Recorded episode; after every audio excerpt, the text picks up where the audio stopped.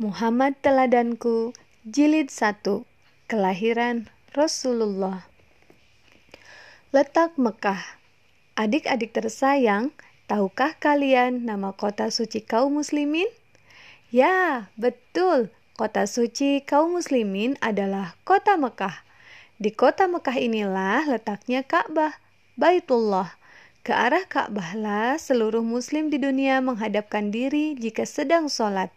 Di kota Mekah inilah Nabi kita tercinta Muhammad Sallallahu Alaihi Wasallam dilahirkan.